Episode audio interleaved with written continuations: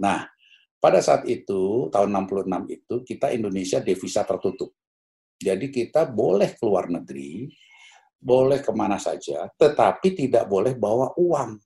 Akhirnya setelah berapa uh, minggu tidur begitu, saya buang sampah, lihat ada orang baru beli refrigerator, kulkas. Hmm, hmm. Waduh, kartonnya tinggi, bagus. Saya bawa kartonnya ke atas. Jadi saya tidur di karton tiga bulan.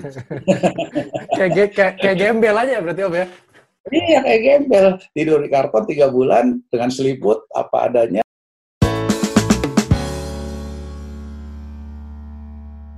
Halo teman-teman semua, uh, selamat datang di MDA Inspiration Talk uh, bersama saya Renat Praharsa. Seperti biasa kita kedatangan seorang tamu yang luar biasa inspiratif dan sangat-sangat uh, sukses gitu dalam hidupnya. Kali ini kita kedatangan uh, seorang yang memang sudah sangat-sangat uh, terkenal di dunia otomotif, yaitu Pak Jongki Sugiarto. Halo Pak Jongki, Pak Jongki.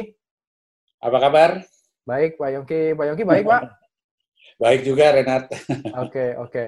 Uh, mungkin bagi yang belum kenal dengan Pak Yongki ini, Pak Yongki ini um, dulu sempat menjabat sebagai Ketua Satu Gaikindo ya Pak ya? Ya, sampai sekarang masih menjabat Ketua Satu Gaikindo. Oh, Oke, okay. sampai sekarang sampai masih ada, menjabat sampai, Ketua Satu Gaikindo. Ada yang bilang ini ini Ketua Satu abadi ini.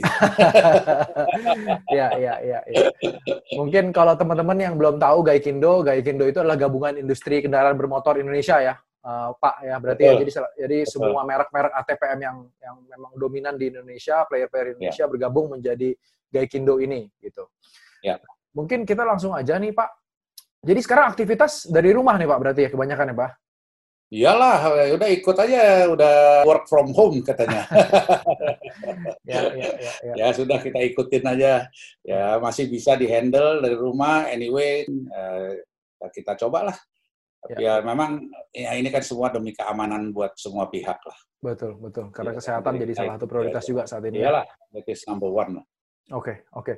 Uh, mungkin dari da, uh, di awal saya boleh minta sharing Pak Yongki sedikit nih terkait perjalanan karir tuh mulainya dari mana sih Pak sehingga bisa sampai sekarang? jadi kalau Yu ini sebetulnya pantasnya jadi anak saya sebetulnya. kalau dari dari usia gitu ya. ya. Ya, jadi gini aja. Kita mulai dari mungkin kisahnya kalau waktu tahun 1965, okay. itu di Indonesia kan ada gerakan Gestapo. Yes, yes. Ya kan? Ya, di mana Partai Komunis waktu itu dan lain-lain dan lain-lain. Yep. Eh, semenjak saya waktu itu kelas 2 SMA, SMA hmm. kelas 2. Hmm. Nah, saya itu merasakan bahwa ini kok udah hampir setahun lebih bahkan boleh dikata sekolah itu ditutup. Mirip ya kayak kan? sekarang berarti ya, Pak? Iya, tapi ini bedanya ini political, ya hmm. kan, political. Jadi sekolah ditutup, tidak sekolah, tiap hari itu demo, ya kan, kami yang SMA itu ikut gengnya namanya KAPI, hmm. ya kan, pelajar, kalau yang mahasiswa itu kami, ya kan Kesatuan Aksi Mahasiswa Indonesia waktu itu dan lain-lain. Anyway, singkat ceritanya saya memutuskan waktu itu beberapa teman saya pergi ke luar negeri hmm. untuk melanjutkan sekolah. Nah, saya waktu itu SMA 2 saya bilang sama ayah saya, saya mau sekolah ke luar negeri. Dia tanya, "Kamu mau ke mana?" Saya bilang, "Saya mau ke Jerman." Kenapa? Saya mau sekolah teknik. Karena memang hobi saya juga teknik saya waktu itu karena orang tua saya itu punya istilahnya uh, apa uh, dagang dagang mobil dan juga pernah assembling kecil-kecilan dan lain-lain dan saya juga memang uh, ya punya hobi untuk ke teknologi otomotif. Berarti dari kecil memang dekat sama otomotif ya berarti ya Pak? Iya, karena orang tua saya kan dagang mobil istilahnya begitu ya kan. Jadi tiap hari ngelihat mobil. Saya umur 13 sudah bisa setir mobil dan lain-lain ya kan. Jadi sudah dia bilang, kamu mau ngapain ke Jerman jauh-jauh begini gitu dan lain-lain. Intinya dia tidak izinkan pada awalnya. Tapi saya ngotot, saya bilang mau ngapain di sini nggak sekolah, eh, mau jadi apa nanti dan lain-lain. Akhirnya dia bilang, bentar saya panggil teman saya, kebetulan dia punya teman ayah saya yang lulusan dari Jerman. Saya lupa dia lulusan sekolah apa, tapi dia lulusan dari Jerman. Panggil, dia bilang, ini anak saya mau gini, gini, gini. Orang itu bilang, kalau kamu mau ke Jerman nomor satu, kamu sekolah bahasa dulu. Hmm. Kalau kamu tidak bisa bahasanya, kamu akan putus asa, tidak bisa mengerti kuliah, duduk kayak ya bengong aja, aja. Dan, ujungnya kamu nggak kuliah, kamu pulang. pulang kamu nggak nggak sekolah, nggak kuliah, nggak main-main aja. Ya udah, saya bilang daftarin aja di mana sekolahnya. Nah, sekolah bahasanya di Jerman katanya. Dia kirim surat. Waktu itu masih surat, tidak ada telex, tidak ada boro-boro email, nggak ada. Jadi kirim surat, dia kebetulan dia tahu ada sekolah bahasa dan lain-lain. Jadi datanglah surat balasan dari Jerman, diterima sekolah bahasa eh, di satu kota atau bukan kota, desa kecil di selatan kota München atau Munich. Udah saya prepare, nah, udah waktu itu juga di Indonesia belum ada toko yang jual pullover atau long john whatever nggak ada lah. Waktu itu tahun 66 tahun 66. Jadi saya bilang ya udah punya paspor. Pertama kali saya naik pesawat itu naik pesawat terbang pertama kali langsung Jakarta ke Jerman. Unik langsung ya. Tidak punya ya tidak punya teman, tidak punya saudara, tidak punya siapa-siapa. Saya cuma tahu ada saya harus ke kota München karena kota, eh, desa kecil tempat sekolah bahasa saya itu kira-kira ada 80 km di selatan München apa mau pesawatnya terlambat, terlambatnya nggak kira-kira sampai di Paris itu sudah midnight. Hmm. Akhirnya kita dikasih hotel, ya kan, dikasih hotel. Eh, masih bisa bahasa Inggris sedikit, saya juga bahasa Inggrisnya sedikit, bahasa Jerman sih cuma Auf Wiedersehen sama Dankeschön aja, than that, cuma dua. Karena bahasa Jerman saya dapetnya kan cuma waktu di SMA kelas 2 saja, ya kan, kelas 1 atau kelas 2, bahasa Jerman di sekolahan yang ibaratnya nggak ngerti apa-apa. Oke, Ya ini ini saya cerita sedikit pengalaman ya, pengalaman hidup sebetulnya. Jadi agak mungkin panjang sedikit. Sampailah perjalanan itu sampai di uh, airport, udah hampir terlambat, sudah hampir nggak diterima. Anyway, terbang akhirnya saya ke München. Sampai München turun dengan menggigil karena waktu itu winter, ya kan. Pertama kali dalam hidup melihat salju, jadi saya kayak orang norak itu turun dari pesawat, belum ada belalai, jadi masih pakai tangga, cuma bawa koper satu sama cabin bag satu, ya kan? Baju juga cuma jas saja satu, tidak ada sarung tangan, tidak ada long john, tidak ada sepatu winter, pokoknya itu lah modal. Saya bilang inilah Eropa, inilah Jerman, ya dan lain-lain. Nah, pada saat itu tahun 66 itu kita Indonesia devisa tertutup jadi kita boleh keluar negeri, boleh ke mana saja, tetapi tidak boleh bawa uang. Hmm. Uang kontan, cash. Okay. Ya kan? Waktu itu kredit card belum dikenal. ya kan? Jadi akhirnya saya coba modal saya 400 US dollar. Itu boleh, bawa keluar boleh itu 400 USD? Nggak boleh. Itu pun saya selundupkan. Oh. Jadi saya selundupkan karena waktu kita keluar di Kemayoran, airport masih Kemayoran, itu koper kita digeledah, dibuka sampai baju kita, sampai sepatu suruh buka semua. Wow. Diperiksa. Jadi bisa dibayangkan, orang boleh keluar negeri, tapi tidak boleh bawa uang. Bagaimana ini? itu peraturannya. Nah, tapi saya selundupkan 400. Itu modal saya pergi ke Jerman. Hmm. Ibu saya kasih satu kalung salib emas. Hmm. Dia bilang kalau ini kita tidak bisa kirim uang, Jual. Ya, jual untuk makan. Waduh. Jadi betul-betul. Jadi karena memang tidak ada bank yang you tidak bisa kirim uang ke Jerman. Boro-boro ke pun nggak bisa. Telex gitu-gitu juga nggak ada ya? Transfer uang nggak bisa? Tidak bisa. Nggak bisa. Jadi nggak bisa kirim uang. Jadi kalau kirim uang itu serba gelap. Okay. Jadi ayah saya kalau kirim uang tidak berani banyak-banyak, sedikit, ya kan juga takutnya hilang. Jadi hmm. kasih uang rupiah di Jakarta, cuma bilang tolong nih saya perlu misalnya 500 US kasih nomor rekening anak saya ini. Jadi saya begitu sampai saya buka rekening. Jadi hidup kita itu tergantung daripada kiriman. Kalau kirimannya datang, kalau kirimannya nggak datang, makan apa kita?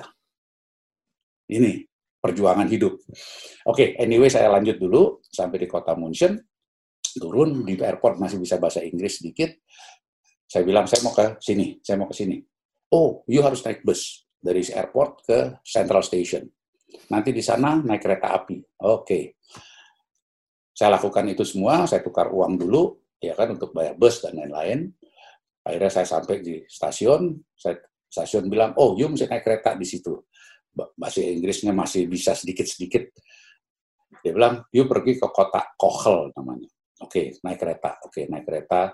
Setiap kali berhenti itu kereta, kereta biasa lah. Saya buka jendela, saya lihat, oh bukan, saya tutup lagi. Kok dinginan? Saljunya kiri kanan udah bermeter, ada mungkin satu setengah meter. Ini soalnya kota kecil Walchensee ini adanya di pegunungan Alpen. Hmm. Jadi sampailah saya di satu kota berhenti keretanya saya lihat ah kokel saya tutup jendela saya turun cepat-cepat nggak taunya memang itu end station daripada kereta ini gitu. Saya bilang tahu begitu ngapain buka-buka? Tidur aja. Tidur aja saya bilang. Anyway sampai turun. Waduh ini namanya pegunungan Alpen. Saljunya hampir mungkin uh, udah dah dua meter barangkali. Ada kebetulan ada orang bisa bahasa Inggris ya tanya you mau ke Goethe Institute? Karena itu kan sekolah bahasa yang hmm, terkenal gitu. Ya. Oh bukan, ini yang Sprach Institut saya bilang. Karena ini lebih murah soalnya. KW-nya. Iya, KW-nya. Oh, you harus naik bus katanya. Itu busnya di depan ada. Oke, saya naik bus. Saya bilang sama tuh sopir bus, ini, oh iya iya, you duduk sini. Saya bayar, duduk. Pergi kira-kira 30 menit perjalanan bus itu namanya sudah benar-betul di gunung salju karena itu di Alpen dan dinginnya luar biasa. Minus tuh berarti ya? Minus 16 derajat. Oke. Okay. Itu pertama kali dalam hidup lihat salju, pertama kali dalam hidup minus 16 derajat. Sampai di desa itu saya dibilang turun, suruh turun sopir bus. Oke, saya turun. Bus jalan, saya bilang ini di mana sekolahnya? Cari kiri kanan semua putih salju, tidak ada sekolahan ya ilah ini sih bener-bener saya bilang. Kalau hilang juga nggak ada yang bisa nemuin itu? Nggak bisa. Jadi ternyata Walchensee, See itu adalah danau. Hmm. Jadi saya lihat danau, mana danaunya? Ternyata danaunya itu sudah beku es, jadi nggak kelihatan kayak danau gitu, cuma putih aja gitu. Akhirnya saya lihat ada di, di, di satu pohon ada ada papan kecil tulisan Sprach Institute, ada panahnya. Wah itu dia tuh, saya jalan bawa koper bawa tas kabin, kedinginan, jalan kira-kira 500 meter, akhirnya ketemu rumah. Aduh, saya bilang ini dia. Akhirnya saya berdiam di situ lima bulan. Saya eh, sekolah bahasa, itu pun ibaratnya lima bulan kita sekolah grammarnya kebanyakan. Hmm. Akhirnya dari situ saya pindah ke kota München. Nah, itu sudah mulai kira-kira sudah spring lah, sudah lewat winternya, sudah spring dan lain-lain.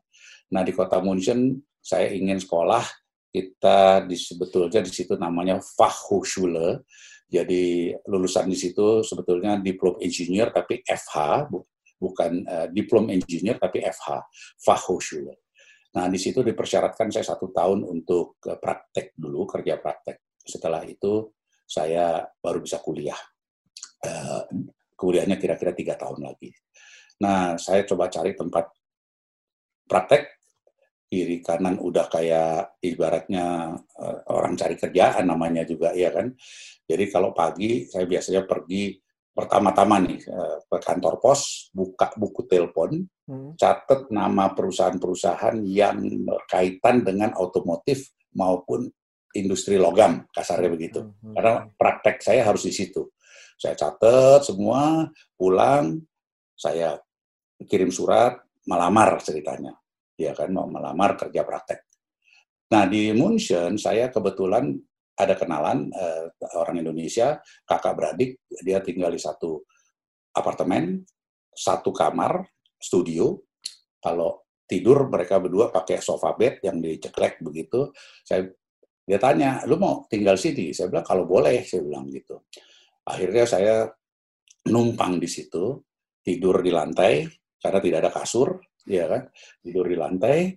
Ya sudah mau beli kasur gak berani karena kita belum tahu akan tinggal di Munchen terus atau tidak dan lain-lain. Ya kan? Jadi beli selimut tipis dan lain-lain. Akhirnya setelah berapa e, minggu tidur begitu saya buang sampah lihat ada orang baru beli refrigerator kulkas. Hmm, hmm. waduh kartonnya tinggi bagus. Saya bawa kartonnya ke atas. Jadi saya tidur di karton tiga bulan. kayak, kayak, kayak gembel aja berarti Om ya? Iya kayak gembel tidur di karton tiga bulan dengan seliput apa adanya dan lain-lain dan lain-lain. Anyway, saya diterima akhirnya di BMW, pabrik BMW. Ya, saya kerja praktek di situ, hanya diterima tadinya cuma kalau nggak salah tiga bulan. Saya perlu praktek eh, kerja praktek satu tahun. Tapi karena setelah tiga bulan saya minta diperpanjang, saya tunjukkan bahwa saya mau sekolah ini dan lain-lain. Akhirnya diterima. Akhirnya saya satu tahun kerja praktek di BMW. Nah setelah kerja praktek, saya kuliah di kota München. Saya ambil jurusan automotive engineering. Udah. Nah sambil kuliah tadi, mau tidak mau, suka tidak suka, saya kuliah dan bekerja. Hmm, hmm. Jadi kita jujur, waktu itu kan saya udah bilang, kalau hidup menderita, saya udah ngalamin semuanya. gitu. Hidup susah, hidup menderita, saya sudah ngalami. Jadi saya bilang, kerja, kerjanya juga ya istilahnya gila-gilaan, karena pekerjaan yang kasar, berat, besar gajinya. Hmm. Nah, jadi kita di sana ada satu badan khusus untuk mahasiswa yang mau mencari pekerjaan part-timer. Nah, kita kalau lihat kuliahnya kurang menarik atau kurang penting, saya ke situ. Pagi-pagi jam 7 saya ke sana, taruh kartu mahasiswa, antre di situ. Biasa diumumkan, oh ini ada perusahaan butuh karyawan untuk dua hari. Oh, harian? Ya kan? Harian dia, bukan model harian, bulanan. Harian. Oh, okay. Enggak, harian harian. Harian kadang-kadang jam-jaman juga. Jadi diperlukan cuma untuk hari ini 7 jam atau 6 jam. Oh, okay. Dibayar satu jam sekian pekerjaannya ini. Siapa yang mau nanti menghadap ke sana. Siapa yang tadi datang paling pagi itu yang dapat duluan. Oh, oke. Okay. Iya, dapat duluan. Itu caranya di situ begitu. Nah, kalau kita di uh, istilahnya laki, bisa-bisa orangnya di sana bilang, "Eh, kamu mau nggak besok datang lagi?" kerja lagi gitu, iya kan? Nah ini bisa nyambung gitu. Kalau dia impress lah, kalau dia cocok gitu. Ya kalau cocok dan ada kebutuhan. Jadi misalnya sekarang gini, ada yang perlu uh, sekretaris misalnya, hmm. sekretarisnya nggak masuk hari ini. Ternyata nanti siang dapat kabar sekretarisnya besok masih nggak masuk. Oh, okay. gitu. oh ya di, bisa diperpanjang. Gitu. Nah jadi kerja cari kalau bisa kita justru pilih yang berat gak apa-apa pokoknya gede gajinya satu jam dulu sekitar 3 DM masih DM ya bukan euro bukan euro ya DM tiga nah kerja berat itu yang saya alami yang paling berat adalah di percetakan koran kita kerjanya mulai dari jam 10 jam 11 malam. Selesainya itu jam 5 jam 6 pagi. Itu gajinya besar ya kan? Tetapi waduh luar biasa beratnya. Apa? Ngangkatin koran yang sudah diikat. Ya, karena dulu belum ada cetak jarak jauh. Jadi di satu kota München itu ada beberapa koran terbit, itu harus dicetak, dibawa ke airport, dibawa ke mana, ke mana, itu jam 3, jam 4 itu mulai berangkat truk-truknya. Nah, kita yang ngangkatin itu.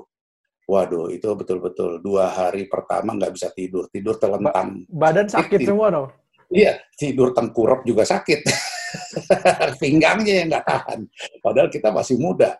Jadi saya, sorry tadi saya bilang saya berangkat ke Jerman tuh umur 17. Karena saya baru SMA 2 kan, belum lulus. Ya, Jadi ya. saya sebetulnya jujur saya tidak punya ijazah SMA. Lulus SMA aja enggak ya Om ya? Tidak, tidak punya ijazah SMA gitu. Karena saya, memang saya baru umur 17 dan saya kelas 2 SMA gitu. Anyway, itu kisah perjalanan. Jadi sambil kuliah, sambil kerja, sambil kuliah, sambil karena yang saya bilang tadi, kita nggak bisa eh, mengandalkan kiriman dari Indonesia. Kalau belum, kalau nggak, ayah saya ketipu dua tiga kali, dia bayar rupiah di Jakarta, saya tidak terima uangnya di, di Jerman. Terus mau lapor ke siapa? Lapor ke polisi, ditangkap. Iya malah ditangkap, ya kan? Nggak boleh, kan ini gelap, iya kan? Anyway, saya kuliah sambil kerja. Nah, ya akhirnya lulus juga sebagai insinyur otomotif, engineer.